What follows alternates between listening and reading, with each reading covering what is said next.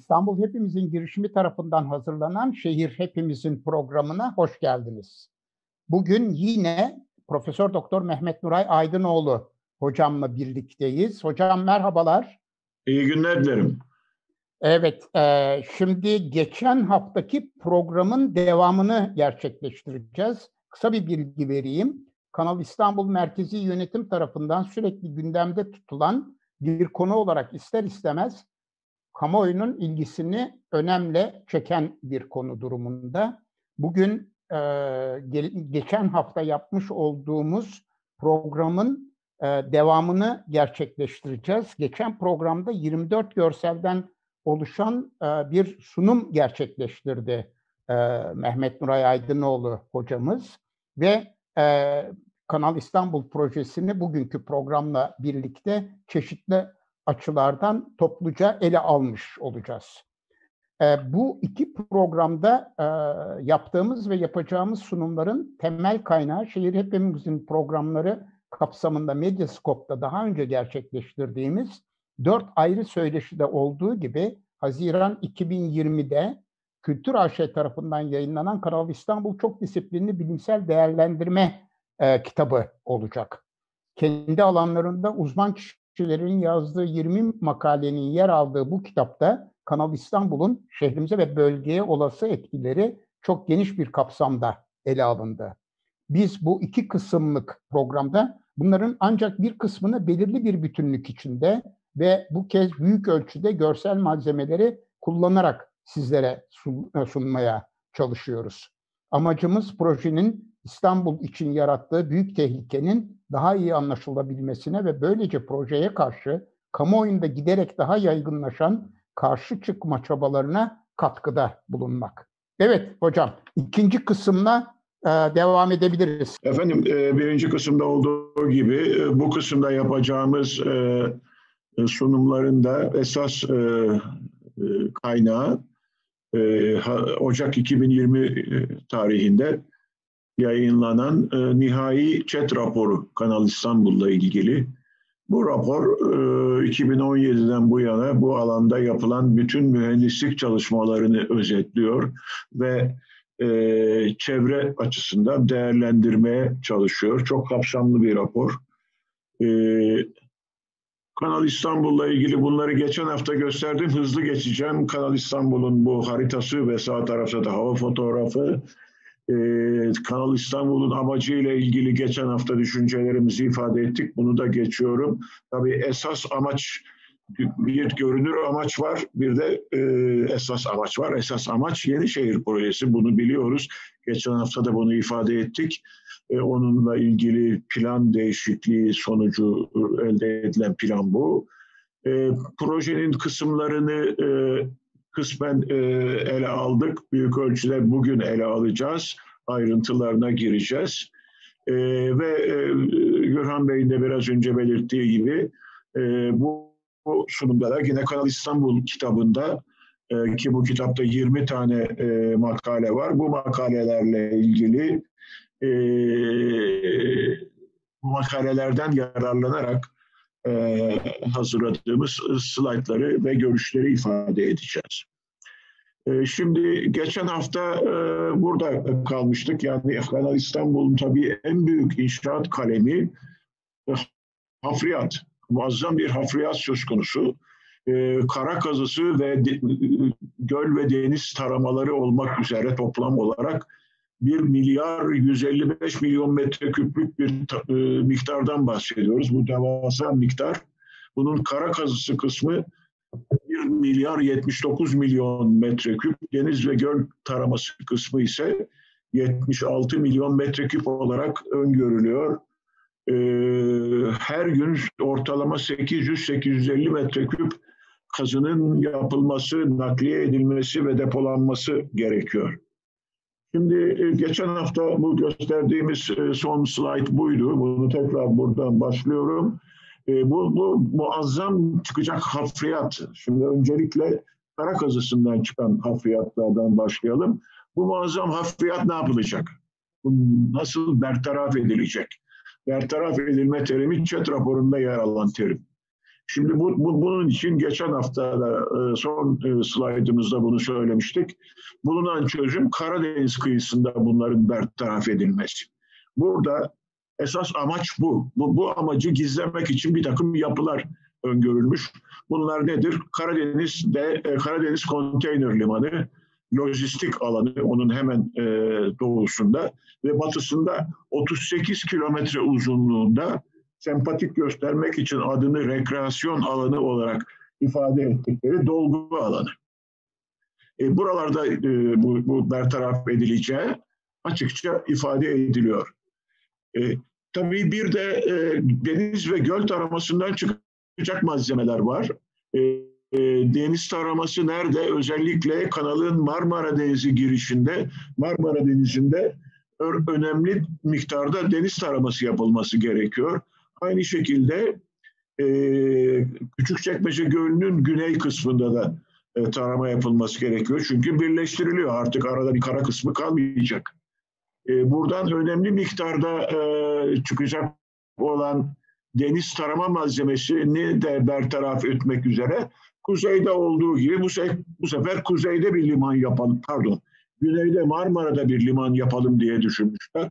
Amaç yine aynı e, ve e, bu Marmara, bu, e, bu denize de at, atmak istemiyorlar. Dolayısıyla belli bir şekilde koruna, korunacak şekilde bu dolgu malzemesinin avcılarda yani kanalın girişinin biraz batısında Kavcılar'da Deniz Köşkler Mahallesi önünde Marmara Konteyner Limanı adıyla bir liman teşkil ederek bunun bertaraf edilmesi öngörülüyor. Tabii bu limanın da İstanbul'un ulaşım planlarında falan yeri yok. Bu da tamamen iyi bunlar. Bu gerekçeler iyi. Tabii bir chat raporunda bunlar ballandıra ballandırılı anlatıyor bunların faydaları vesaire ama böyle bir limana zaten şu anda ihtiyaç olup olmadığı da e, tartışılabilir. Çünkü biraz daha batıda ambarlı tesisleri var ve vesaire.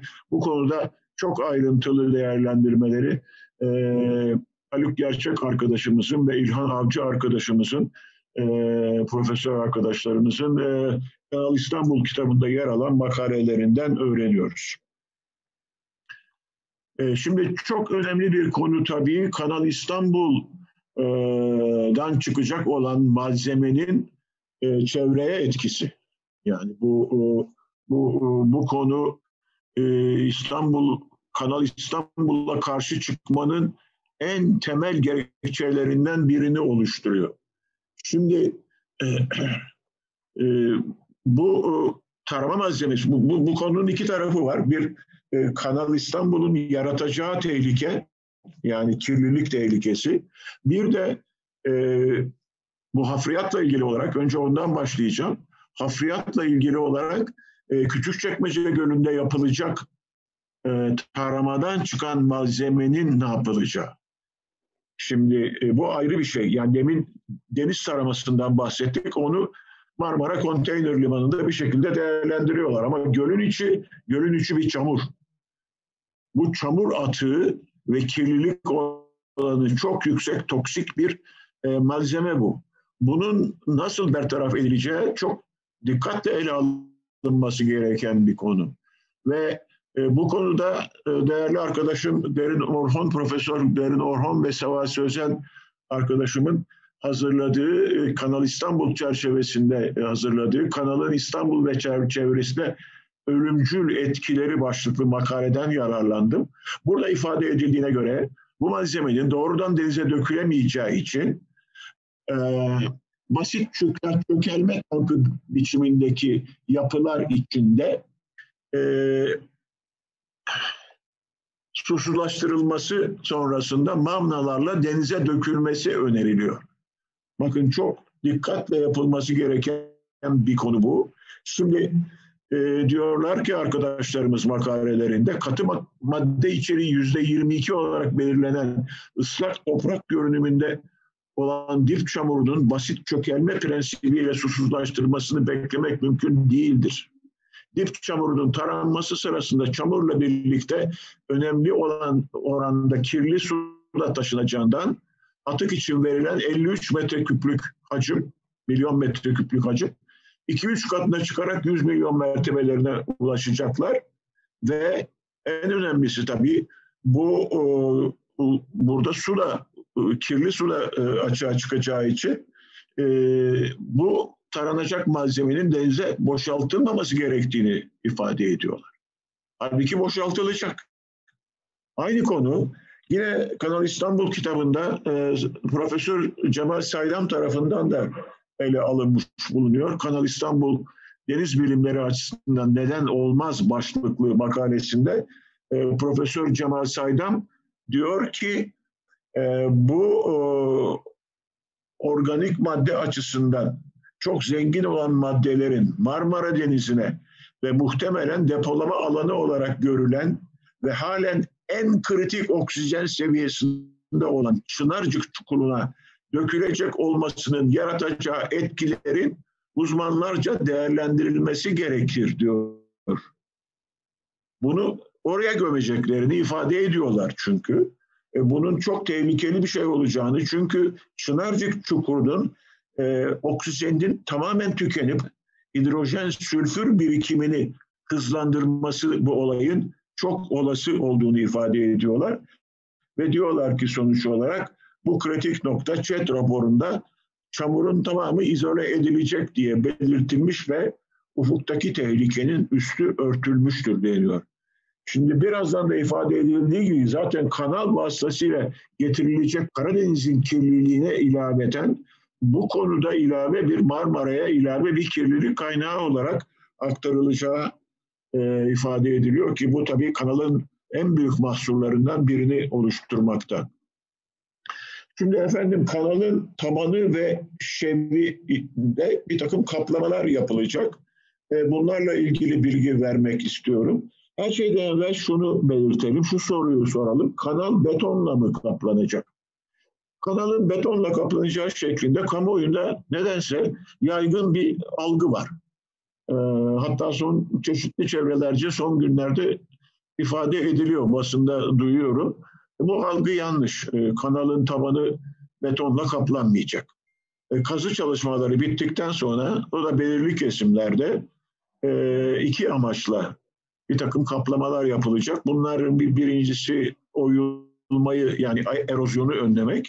İkincisi ise birazdan bahsedeceğim kanal tabanında ve şevlerinde tuzlu su geçişini önlemek için e, yeraltı suyuna bir takım sızdırmazlık kaplamaları yapılacak. E, bunların toplam yüzey alanında 2, 2 milyon metrekare olacağı CET raporunda ifade ediliyor. Şimdi burada gördükleriniz erozyona karşı kaplama olarak ifade edilen e, kaplama şeyleri bu, bu çeşitli. Bunlar taş kaplama görüyorsunuz prensip olarak. Sol kıyıda 27,5 kilometre, tabanda 24,5 kilometre ve sağ kıyı içinde 24 onda 1 kilometrelik e, kaplamalar yapılacağı ifade ediliyor. Burada ilginç olan nokta kanalın küçük çekmece Gölü içinde kalan 11 kilometrelik kısmında herhangi bir koruma önlemi öngörülmemiş bulunuyor. Çünkü buraya burası çamur dediğim gibi tarandıktan sonra da yine çamur olarak kalacak. Çünkü tam çamur tabakası çok kalın e, ve herhalde buraya bir taş filan atsanız taş taş kaybolacaktır. Yani aslına bakarsanız bu e, çok e, az ele alınan, e, bu çünkü seyir emniyetini de çok ilgilendirecek bir konu olması gerekir. Benim alanım değil ama e, herhalde çok önemli çünkü bu e, pervane etkisiyle e, tabandan kalkacak e, e, çamurun e, seyir seyri e, gemi seyrini nasıl etkileyeceğini bilmiyorum. Bu çok önemli konulardan biri olsa gerektir. Evet, bir de e, sızdırmazlık kaplamaları var. Şimdi efendim bu konu çok önemli. E, bu konuda e, gerçekten e, Kanal İstanbul'un en kritik noktalarından biri bu sızdırmazlık kaplamaları. Çünkü e, Kanal İstanbul'un e, İstanbul'un su e, e, yeraltı sularına ve mevcut sularına, Terkos Gölü'ne etkisi olacak. Çünkü e, bu iki açıdan bu şek şeklin e, alt kısmında gördüğünüz, şurada gördüğünüz bir e, yeşil kare var. Bu yeşil karenin içinde burada görünmediği için küçük yazılıyor. Ben sağ tarafa aldım. Burası İstanbul'un stratejik yeraltı yeraltı suyu rezerv alanı olarak ÇED raporunda da ifade ediliyor. Burası 5-10'da 2 kilometrelik bir kısım. E, Küçükçekmece Gölü'nün kuzey ucundan başlayarak e, şimdiki yakını yıkılacak olan Sazlıdere Barajı'nın gövdesine kadar olan kısım. Burada e, batı taraftaki sol şevlerde ve tabanda yer alan karstik kireç taşı yapısı nedeniyle mevcut yeraltı suyu rezervinin tuzlanmasının risk, tuzlanma riski var. Ve bunun önlenmesi için de e, raporunda tüm kanal tabanı ve e, şevlerinde bu uzunluk boyunca 5-10'da 6 kilometre boyunca en az 26 santim kalınlığında geosentetik beton şilte adı verilen bir sızdırmazlı kaplamasının yapılması öngörülüyor.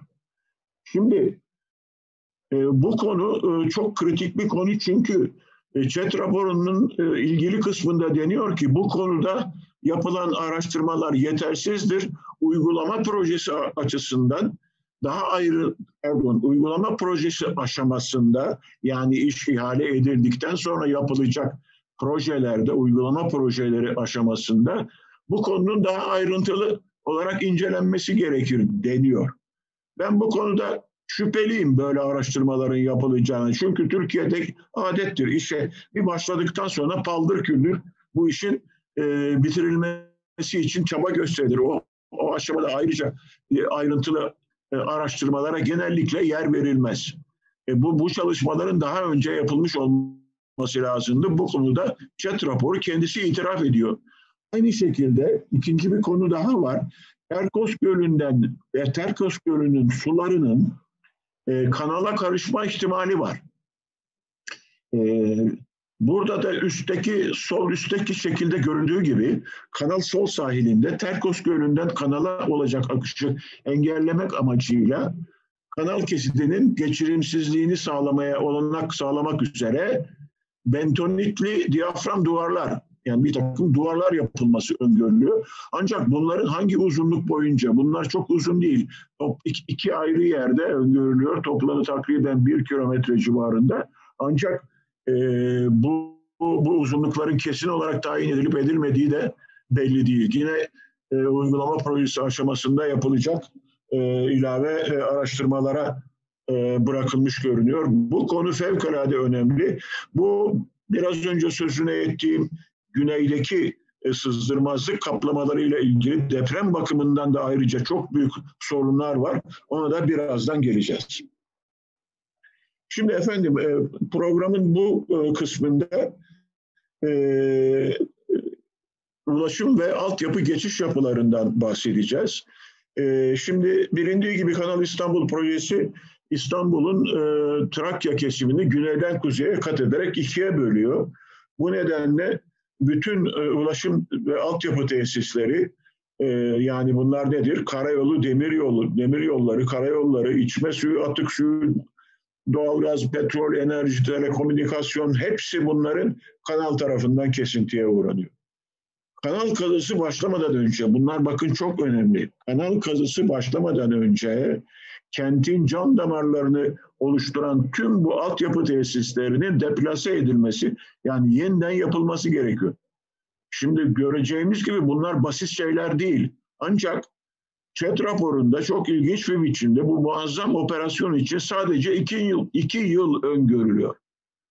Yani ben de ön, düşünemiyorum. Bu konuda danıştığım tecrübeli mühendisler de bu denli büyük operasyonların hele Türkiye'deki uygulamalar çerçevesinde iki yılda bitirilmesi mümkün görünmüyor gerçekten. Çünkü şimdi bir, biraz fikir vereceğim bunlarla ilgili. Bunlar muazzam yapılar. Şimdi öncelikle geçiş e, köprüleri ve tünellerinden bahsedelim. Ee, e, geçiş köprüsü, sekiz tane geçiş köprüsü var. Bunların altı tanesi e, e, karayolu köprüsü, iki tanesi ise e, demiryolu köprüsü. Şimdi burada çeşitli renklerle gösterilmiş bu e, geçişler. E, turuncu renkle gösterilen köprüler e, Karayolları Genel Müdürlüğü tarafından on, onların kapsamında yapılacak olan köprü ki bunlardan birini ihtiva eden Kuzey Marmara otoyolunun Nakkaştepe Başakşehir kesimi esasen ihale edildi. Buradaki listede dördüncü sırada görünen e, şuradaki köprü, bu köprü ihale edildi. Aslına bakarsanız Haziran'da Kanal İstanbul'un temelini atacağız diye bir söylenti var. Hatta resmi e, söylemler var. Aslında temeli atılacak olan bu otoyol veya bu köprü olacak. Bu da bu aslında Kanal İstanbul'un kendi yapısıyla ilgili değil. Bu dediğim gibi bir geçiş köprüsü. Bunun gibi e, Karayolları Genel Müdürlüğü kapsamında beş tane daha köprü var. Ayrıca iki tane e, iki tane e, belediye tarafından İstanbul Belediyesi tarafından yapılması öngörülen burada mor renkli olarak gösterilen bir birincisi e, Küçükçekmece Avcılar Geçiş Köprüsü, ikincisi ise Sazlı Bosna Geçiş Köprüsü var. Bir de bir tren köprüsü var burada sekizinci olarak. E, bu hızlı tren köprüsü e, üçüncü köprüyle üçüncü havaalanı Alk Halkalı hızlı tren köprüsü. Toplam sekiz tane köprü oluyor. Bu köprüler birazdan örneklerini göstereceğim gibi muazzam e, büyük köprüler. Artı üç tane de e, geçiş tüneli var. Bunların bir tanesi demiryolu e, tren hattı geçişi. Bu e, TCDD tarafından yapılacak. Diğer ikisi e, İstanbul Büyükşehir Belediyesi'nin sırtına yüklenen iki tane metro geçiş tüneli. Bütün bu tünellerin toplamı 17 küsur kilometre oluyor. E, pardon 21 küsur kilometre oluyor. E, bu e, slaytta köprülerin toplam uzunlukları ve kule yükseklikleri görünüyor. Çünkü kule deyince neyi anlıyoruz? Bakın şimdi burada mesela E5 üzerinden e, e, yapılacak olan şu anda yani e, doğuda e, Cennet Mahallesi'nden Avcılar'a kadar 3,5 kilometre uzunluğunda toplam uzunluğu olan muazzam bir köprü bu. Bu eğik askılı sistem olarak öngörülmüş. Şunu hemen söyleyeyim. Kanal İstanbul'un chat raporunda bu köprülerle ilgili sadece şu gördüğünüz şematik resimler var. Başkaca hiç açıklama yok. Hiçbir hesap kitap yok. Bunların neye göre nasıl ihale edilecekleri belli değil. Nitekim bunlardan bir tanesi ihale edildi. Onu da size göstereceğim şimdi. E, ama maalesef bu e, maliyet bakımından esasen bu, bu köprüler çok sorunlu. Bakın bu köprüler e, özellikle mar, e, e, çok kötü zemin koşullarında yapılmak zorunda. Bu 220 metreye varan kulelerin tem, yani ayak ayak kule, kulelerinin temelleri gördüğünüz gibi bu resimde çok derinlere kadar inmek zorunda. Çünkü üstte burada bu Küçükçekmece Gölü'nün çamuru var. Yani burada 100 metre derinliğe varan keson temellerden bahsediliyor. Bunların yapımı fevkalade zor. Bunların e, bu şekilde yapılıp yapılmayacağı da belli değil. Çünkü ciddi bir araştırma yapılmış değil. Bunlar sadece çizilmiş bir, bir takım skeçler.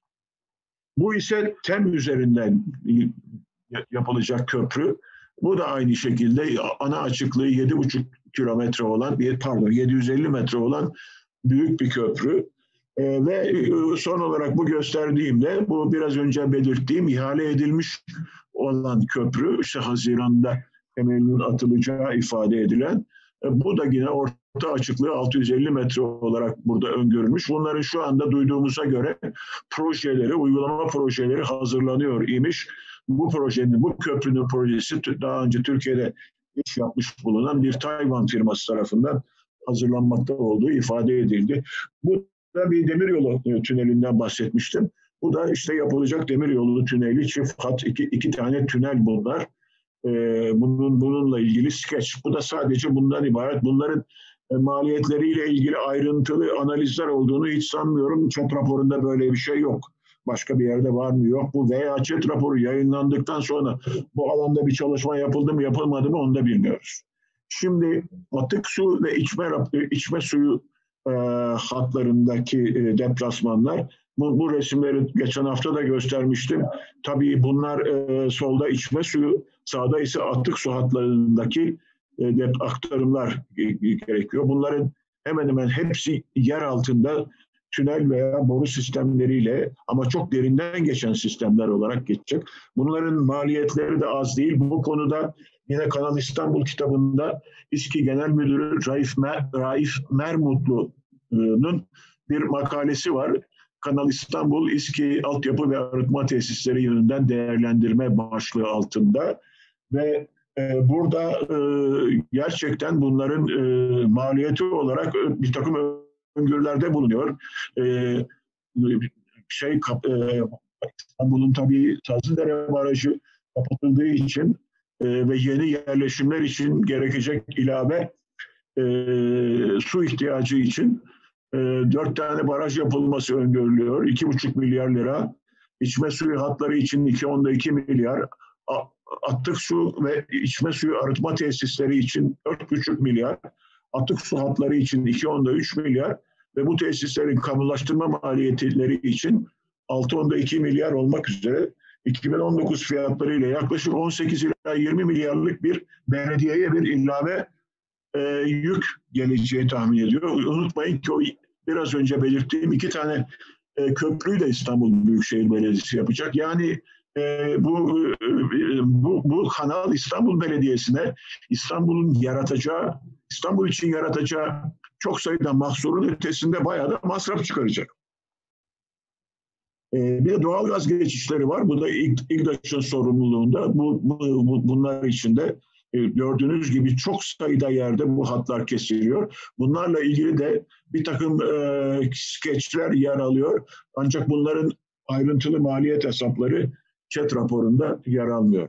Şimdi bu kısımda e, deprem mühendisliği açısından benim değerli arkadaşlarım e, Faruk Karadoğan ve Atilla Ansal ile Kanal İstanbul kitabında yazdığımız deprem mühendisliği açısından Kanal İstanbul ve kanala bağlantı yapılara ilişkin sorular başlıklı makalemde yer alan hususlardan bahsedeceğim. Şimdi efendim Kanal İstanbul moment büyüklüğü 7'den büyük çok şiddetli bir depremin her an beklendiği bir lokasyonda Kuzey Anadolu fayının Marmara Denizi içindeki uzantısına sadece 11 kilometre yakınından başlamak üzere inşa edilecek. E, bu tabii e, bir kere deprem tehlikesi bakımından konunun ne kadar önemli olduğunu gösteriyor. Şimdi ÇED raporunda e, Kanal İstanbul'un maruz kalacağı, Kanal İstanbul'un yapılarının maruz kalacağı deprem tehlikesine ilişkin analizler verilmiş. Bu analizlerin yeterli olduğu ifade edilebilir. Ancak deprem riski bakımından yani e, bu deprem etkileri altında deprem tehlikesi raporu deyince biz e, depremde meydana depremin meydana getireceği ivmeleri anlıyoruz. Halbuki deprem riski deprem tehlikesinden farklı bir şey. Deprem riski deyince e, yapıların e, mevcut deprem tehlikesi altında nasıl davranacakları, bunların nasıl e, tasarımlarının yapılacağı, bu riskleri ortadan kaldırmak için ne tür e, hedeflere ulaşılacağı ve bunların maliyetleri sonuçta ne olacak? Biz bunları anlıyoruz. Yani mühendislik çalışması. Böyle bir çalışma yok.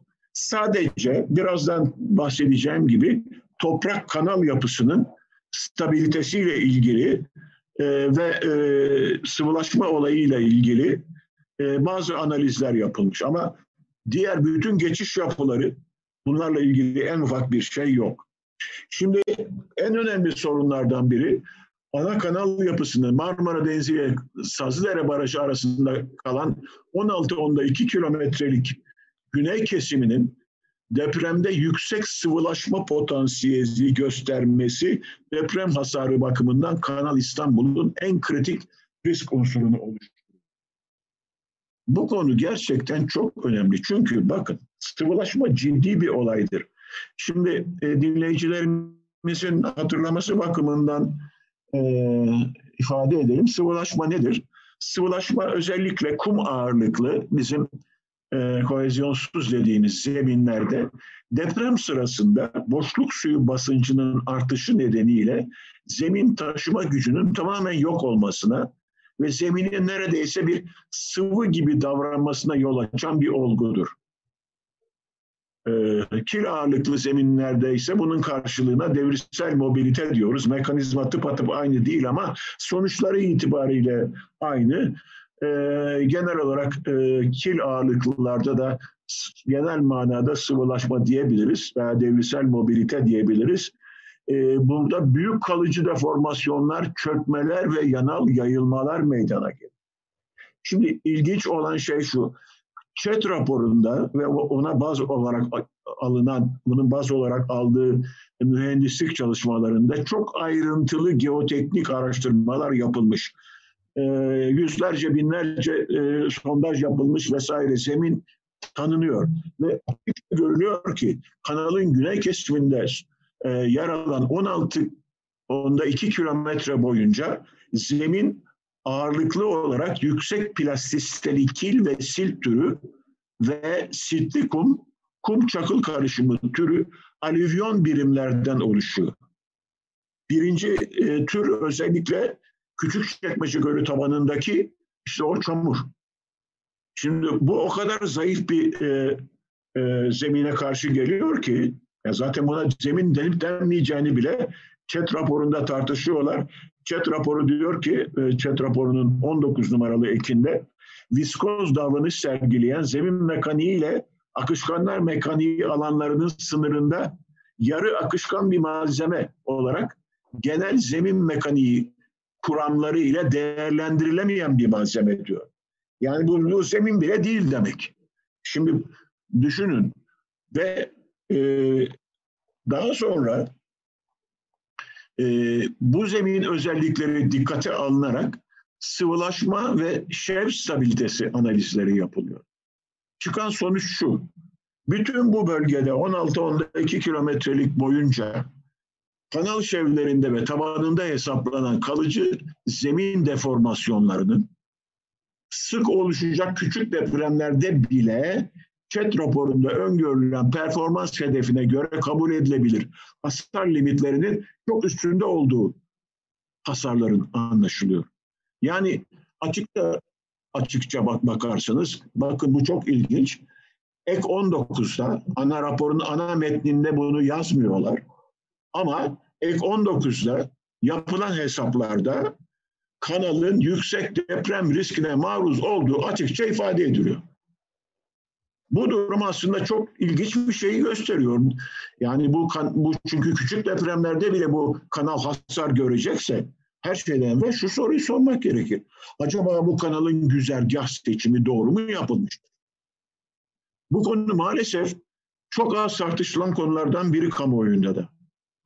Şimdi peki ne yapılacak bu durumda? Şimdi ÇED raporunda aslında kabulü mümkün olmayan, üstelik birbiriyle çelişen bir takım öneriler e, ifade ediliyor.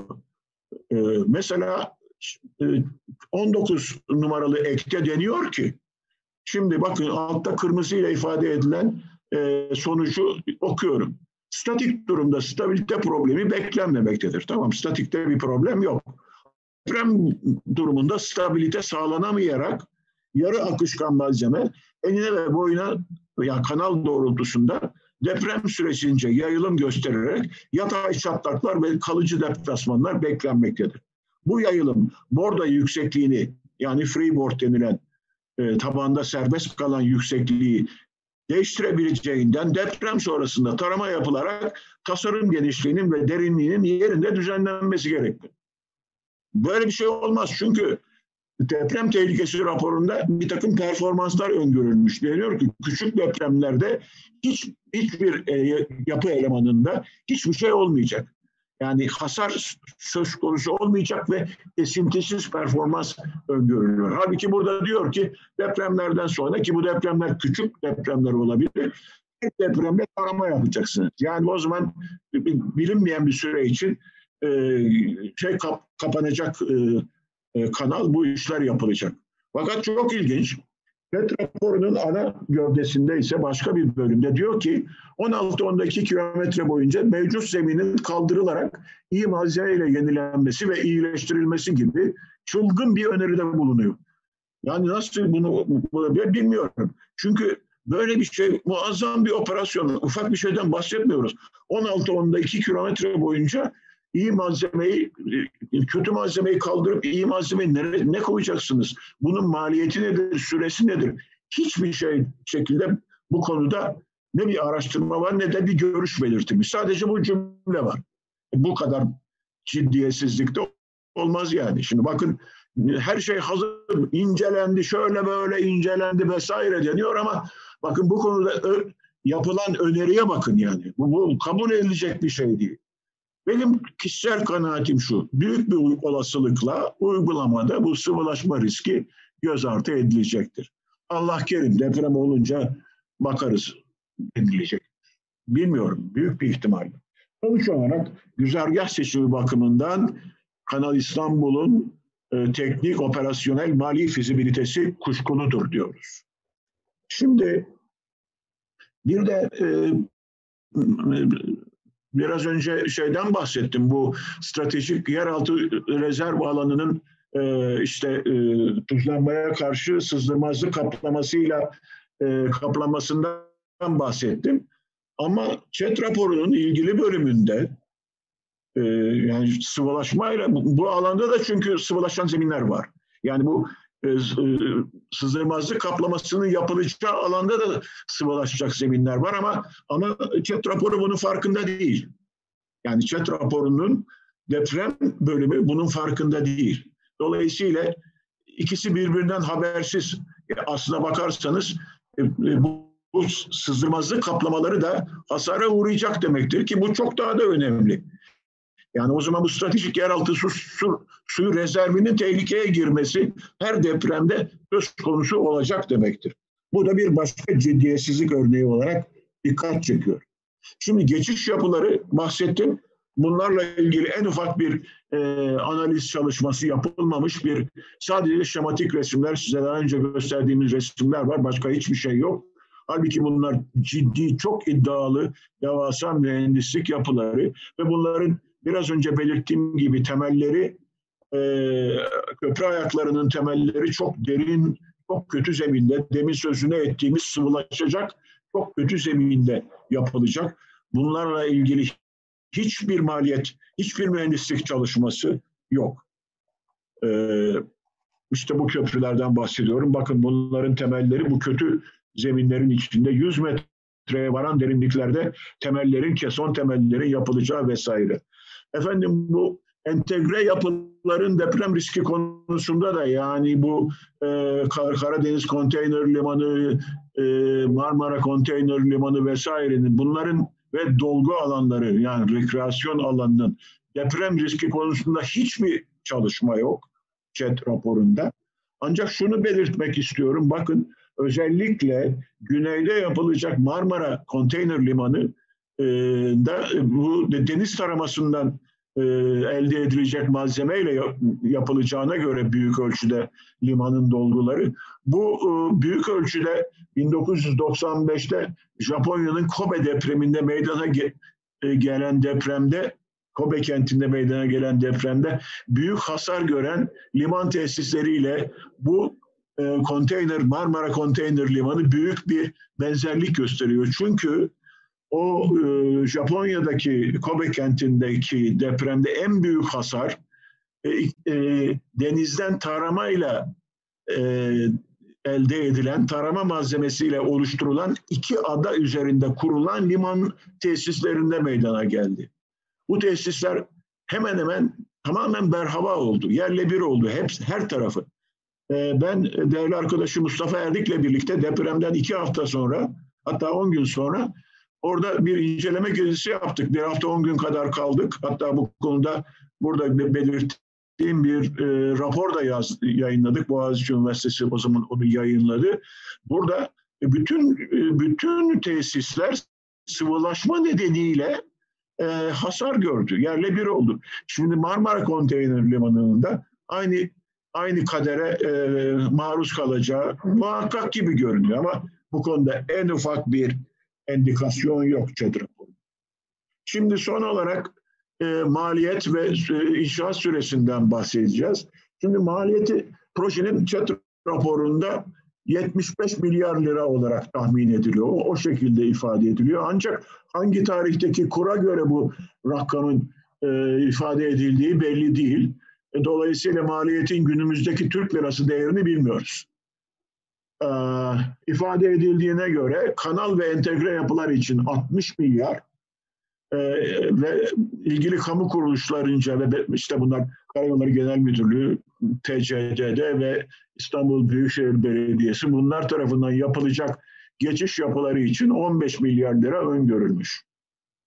Oysa sadece İSKİ biraz önce Raif Bey'in, e, Raif Mermutlu'nun e, makalesinde de ifade edildiği gibi sadece İSKİ atık su ve geçiş, içme suyu geçişleri için 20 milyar lira öngörüyor.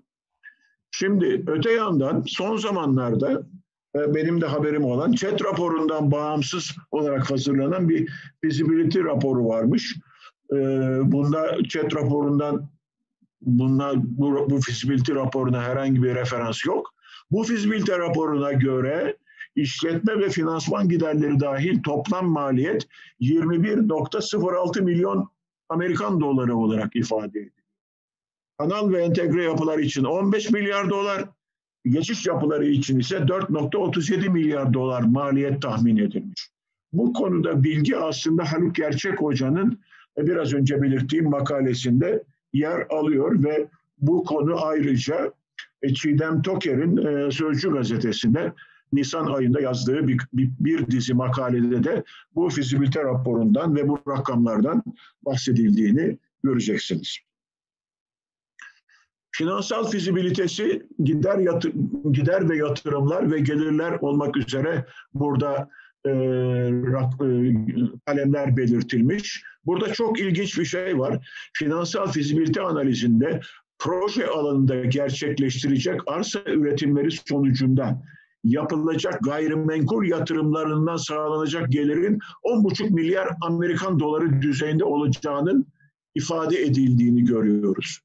Yani en önemli gayrimenkul geliri demek ki yani yarısı bunun öngörülen e, maliyetin yarısının e, gayrimenkul yatırımlarından elde edilecek arsa üretimi sonucu yapılacak gayrimenkul yatırımlarından elde edilecek gelir olduğu ifade ediliyor. Bakın çok ilginç. Şimdi ama sonuç olarak şunu söylemek tabii mümkün. Uygulama projeleri mümkün olmadığından, mevcut olmadığından özür dilerim. Pek çok belirsizlikleri içeren bu yatırım için yapılan bütün bu maliyet tahminlerinin yaklaşık olduğunu söylemek zorundayım. Ben kişisel olarak bunlara inanmıyorum çünkü ortada bir veri yok. Çok muhtemelen ne olacak? Yap işlet devlet ihalesi bilinen müteahhit grubuna ihale edildikten sonra bütün benzer projelerde olduğu gibi inşaat bedeli ve sözleşme süresi gerekli görülen aşamalarda değiştirilecek, modifiye edilecek. Geri ödemeler yeniden ayarlanacak. Ancak gerçek mali, maliyette muhtemelen ticari sır gerekçesiyle kamuoyuna açıklanmayacak. Son olarak e, İstanbul e, Kanal İstanbul projesinin e, iş programıyla ilgili şu grafiği göstermek istiyorum. Toplam inşaat süresinin 7 yıl olacağını buradan görüyoruz. Kanal bir şimdi şu anda herhalde şu anda o durumda mıyız bilmiyoruz. Kanal yapımının teklif ihale ve sözleşme süreci burada kırmızıyla gösterilenler Bunlar üç çeyrek yıl ifade ediliyor.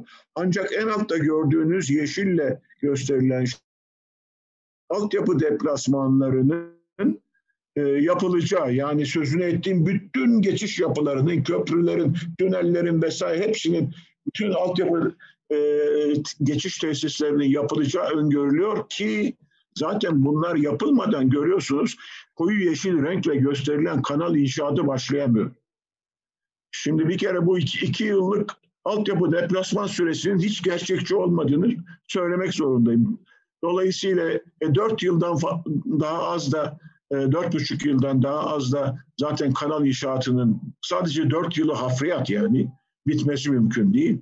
Dolayısıyla bu, bu proje eğer sürekli olarak uygulanabilirse finansman bulunup e, 7 yılda falan bitecek gibi görünmüyor. Ama ÇED raporunda yer alan resmi şey bu. Şimdi sonuçlara gelelim. Efendim gerçek gerekçesi lüks konutlardan oluşan yeni şehrin projesinin geliştirilmesi olan ancak ondan tamamen bağımsız bir su yolu projesi imiş gibi sunulan Kanal İstanbul projesinin ÇED raporu bir ön fizibilite raporundan başka bir şey değildir. Konular genellikle yüzeysel olarak incelenmiş, bazı konularda biraz ayrıntıya girilmiş olmasına rağmen bu konulara da e, değinilmemiştir. Bazı konulara değin, değinilmemiştir. Bazı konulara da hiç değinilmemiştir. Raporda pek çok konuda çelişkiler olduğunu belirtmem lazım. Zaten bu çelişkiler özellikle Kanal İstanbul kitabındaki makalelerde de çok açık bir biçimde ifade edilmiştir. Pek çok konuda yapılmış olan çalışmaların yeterli olmadığı, uygulama sırasında daha ayrıntılı araştırmaların yapılmasının gerekli olduğu esasen ÇED raporunun çeşitli bölümlerinde de ifade edilmektedir.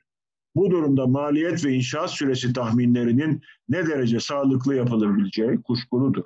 Özellikle geçiş yapılarının uygulama projesi aşamaları, çalışmaları da dahi iki yıl gibi bir sürede tamamlanması mümkün görülmemektedir. Ve maliyet ve inşaat süresi beklenmedik ölçüde yüksek mertebelere çıkabilir. Son söz olarak şunları söylemek istiyorum. Rasyonel açıdan bakıldığında normal koşullarda bu durumuyla bu projenin ihale edilmesinin söz konusu olmaması gerekir.